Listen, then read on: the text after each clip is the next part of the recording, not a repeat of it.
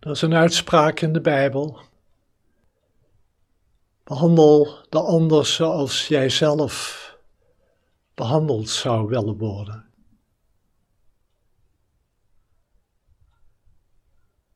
Een uitspraak die, wanneer we hem horen, zo vanzelfsprekend klinkt.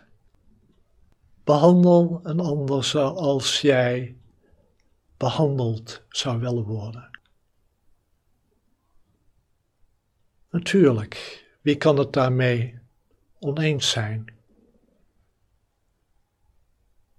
En toch, hoe moeilijk is het in het dagelijks leven om dit werkelijk toe te passen? Hoe vaak klagen we niet tegen onszelf dat we niet gezien worden of gehoord worden? Dat anderen te kritisch zijn of weinig geduld tonen met ons. Wanneer we mediteren, wordt het soms pijnlijk duidelijk hoe weinig geduld we met onszelf hebben.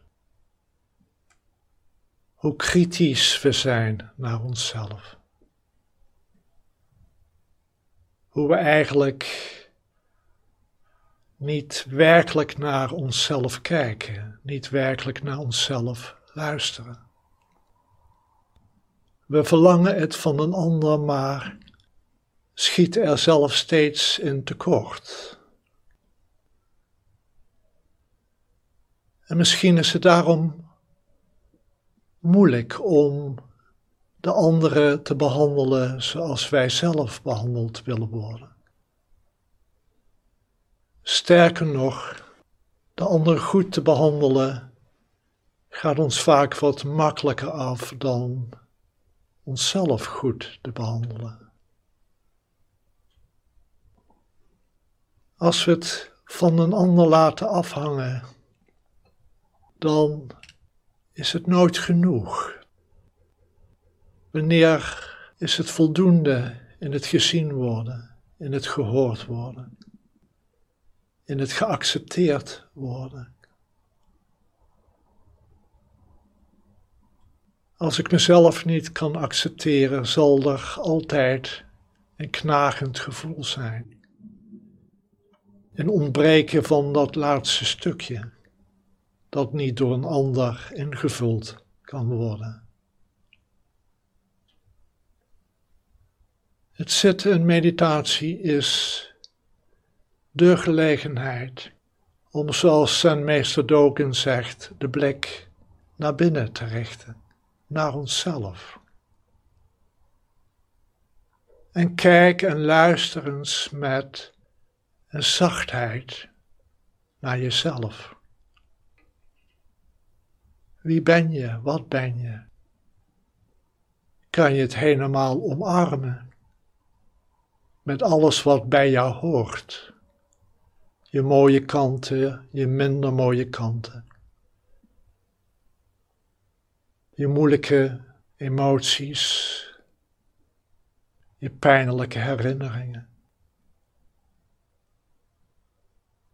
Kan je met jezelf zitten, twee keer een half uurtje, met een open hart en met geduld. Jezelf volledig de ruimte geven om te zijn. En hoe meer we dit oefenen en uiteindelijk kunnen, hoe meer we opeens de ander die ruimte kunnen geven om te zijn voor wie en wat ze zijn. Behandel de ander zoals je zelf behandeld wilt worden. Wanneer we onszelf goed behandelen, zal dat uitvloeien naar alle anderen. En als we dit gezamenlijk doen, zetten we werkelijk een echte stap naar een meer harmonieus samenleving. En het begint allemaal met heel even de tijd te nemen. Dus open en zonder een kritische stem naar jezelf te kijken. Met een vriendelijk stilzwijgen. Gewoon ervaren. En wezen heel eenvoudig, maar met grote consequenties voor jezelf en anderen.